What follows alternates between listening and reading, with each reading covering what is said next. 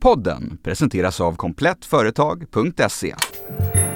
From soccer to hockey to basketball, all around the world, athletes and fans are rallying around Ukraine as the international sports world imposes their own sanctions against the invasion. Ryssland har stängts av från all sport efter invasionen av Ukraina. Ett hårt slag för Putin, som använt just idrott för att bygga sitt varumärke som en stark ledare. Thank you for supporting Russia. Together let us make sure that football promotes fair play. På en kvart reder vi ut vilken roll idrotten haft i Putins maktbygge och om utfrysningen från sportvärlden är det som kan vända folkopinionen mot honom. Condemnation of Russian President Vladimir Putin as world sport takes a stand as the door is slowly shut on Russia. Det är torsdag den 17 mars. Jag heter Alexandra Karlsson och det här är Dagens Story från Svenska Dagbladet.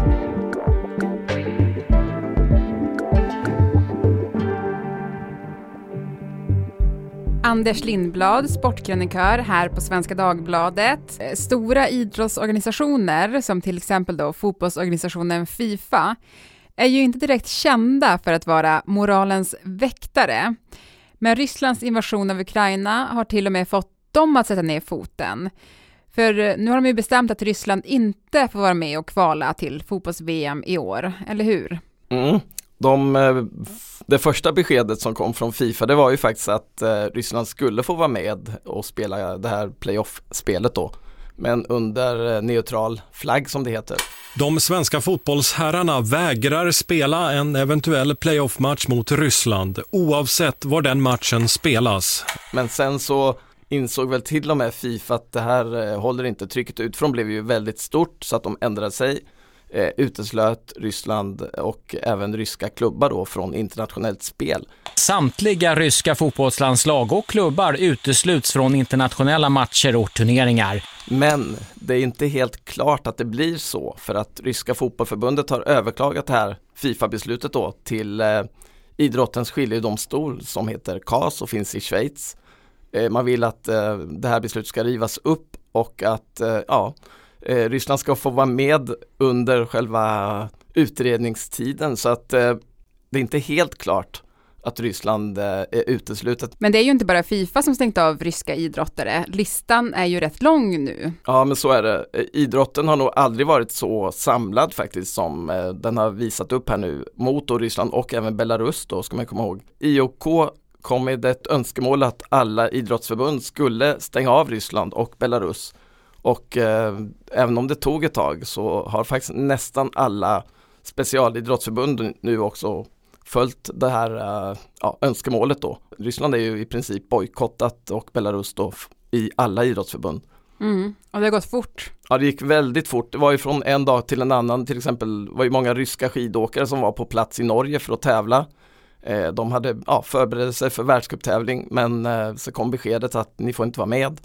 Eh, de skyllde faktiskt på Norge och sa att det är Norge som vill att vi inte ska få vara med av sportsliga skäl. Men eh, så var det inte riktigt. Men hur stor del är sporten för folk i Ryssland? Jag varit där både på OS i Sochi 2014 och fotbolls-VM då 2018 och idrotten är ju stor i Ryssland, eh, framförallt kanske ishockey, friidrott, eh, fotboll då, de här stora sporterna, gymnastik, eh, konståkningen är ju väldigt stor. Regimen då med Putin i spetsen såklart här nu då, man har ju använt sport som ett politiskt syfte in, inhemskt kanske för att visa upp den egna befolkningen då, titta vad bra vi är.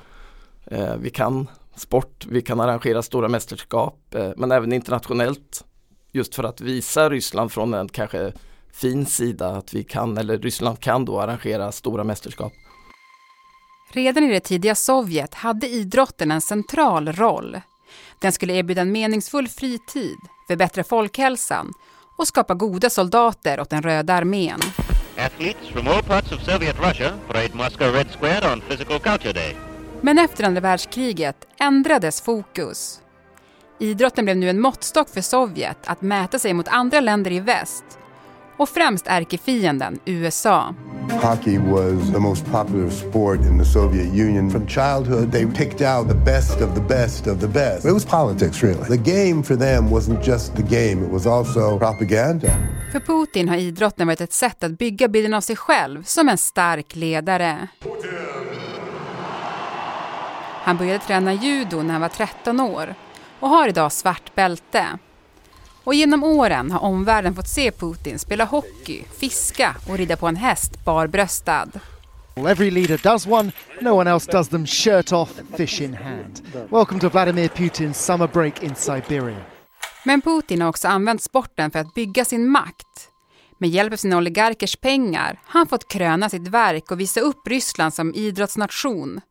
Både under OS i Sochi 2014 och fotbolls-VM för herrar 2018. I mean, Olympic projects, they're, they're, very good for the state or for the government, but they're not usually a personal project. And what's interesting about Sochi is this personally very important for Vladimir Putin. You can take my word for it. The 2018 World Cup in Russia will be up to the highest standards.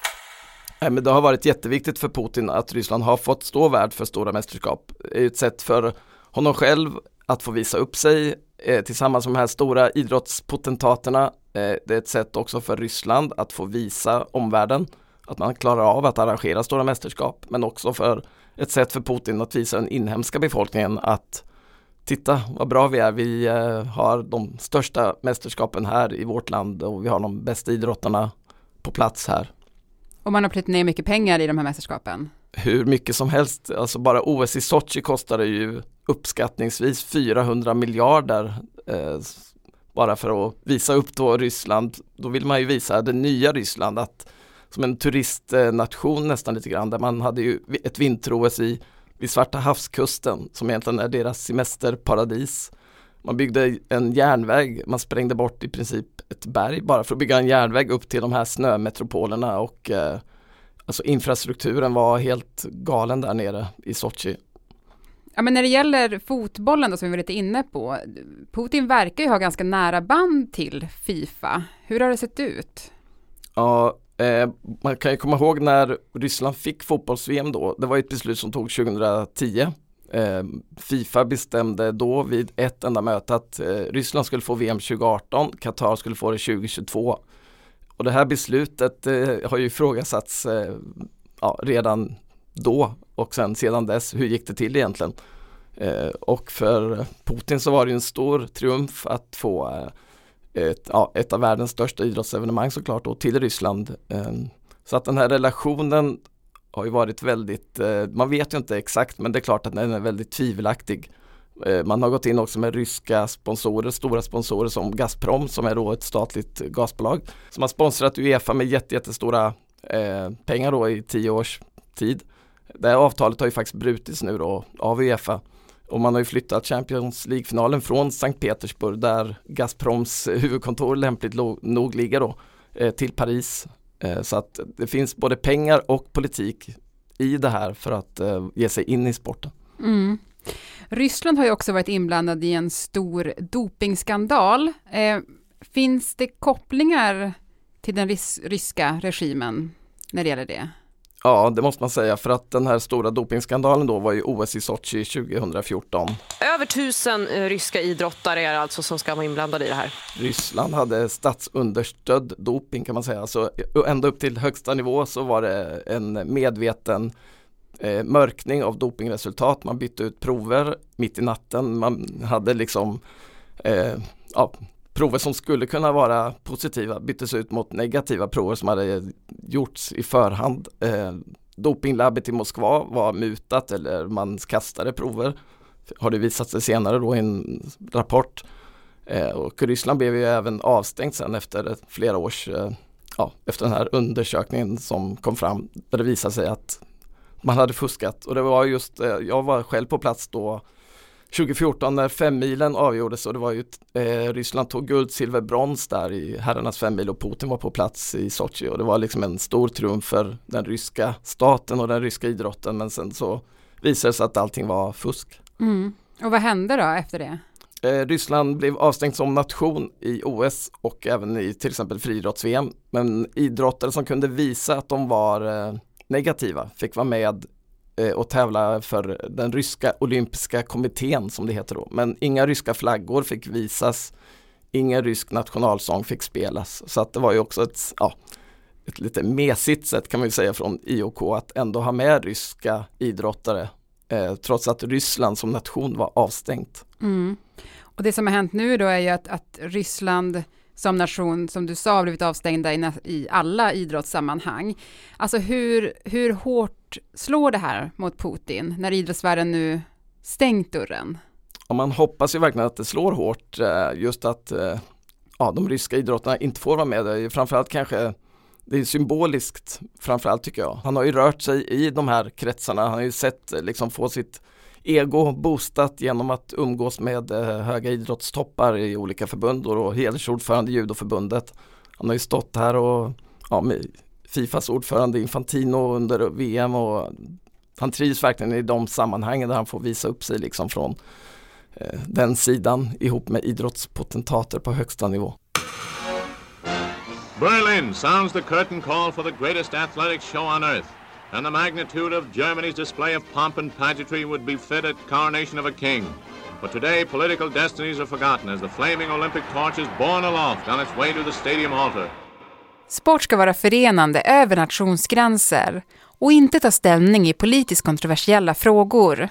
Ja, så brukar det låta.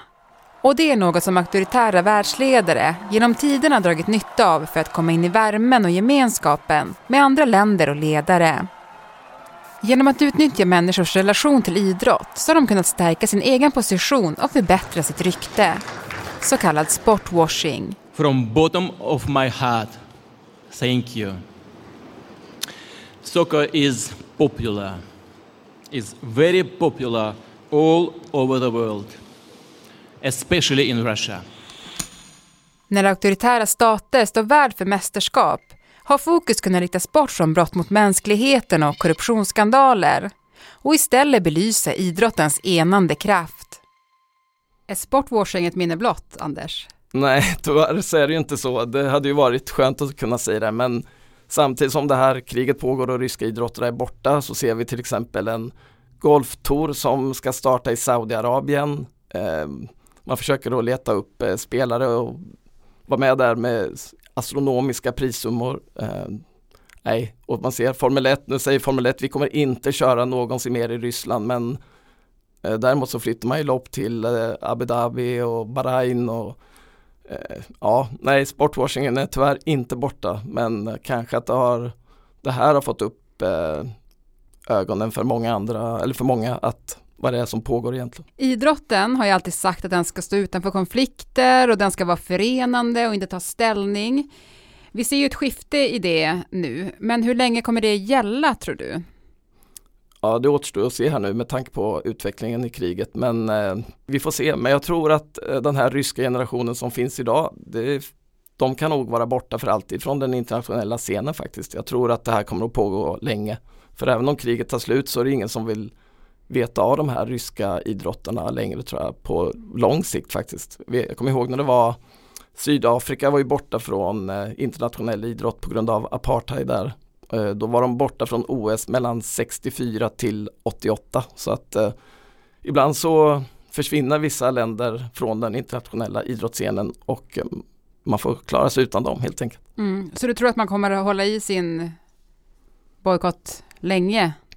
Ja, jag tror faktiskt det. Även om kriget tar slut så måste man ändå markera mot den ryska regimen och det här övergreppet eh, som de har gjort och håller på med. Så att eh, jag hoppas verkligen att idrotten kan vara så stark nu och eh, sätta gränser liksom. Men samtidigt, vi vet ju inte idrotten med de här som du sa tidigare, Fifa, tvivelaktiga, IOK, eh, deras historia är ju inte direkt eh, positiv. Men eh, kanske att det här är ett uppvaknande och ett reningsbad liksom eh, kommer. Man får hoppas det, men ja, vi får se helt enkelt. Idrott är ju väldigt folkligt och för många en väldigt stor del av livet. Det är det för mig och det är det för dig. Och så även i Ryssland såklart. Alltså tror du att idrottsvärlden nu stängt ner eh, för Ryssland, kan det skapa en folklig ilska mot Putin? man hade ju hoppats på en opinion kanske på hemmaplan då mot Putin, att varför får inte ryska idrottare vara med? Men där är synen en annan på varför de inte får vara med och där ser man ju mer som att eh, eh, ja, vi västerländska nationer som stoppar ryska idrottare från att tävla. Man ska komma ihåg att stödet i Ryssland fortfarande är väldigt stort för Putin.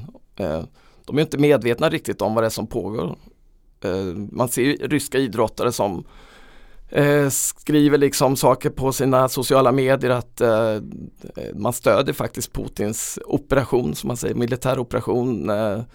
Eh, den gymnast som hade på sig det här eh, Z i prisutdelning för att visa att, eh, som han sa själv eller skrev själv, stöder freden. Men det är inte riktigt, det är den ryska krigsapparatens symbol som han stöder. Och jag är inte helt säker på att den här opinionen på hemmaplan finns i Ryssland mot kriget eftersom de inte riktigt tycker att det är ett krig på det sätt som vi ser det.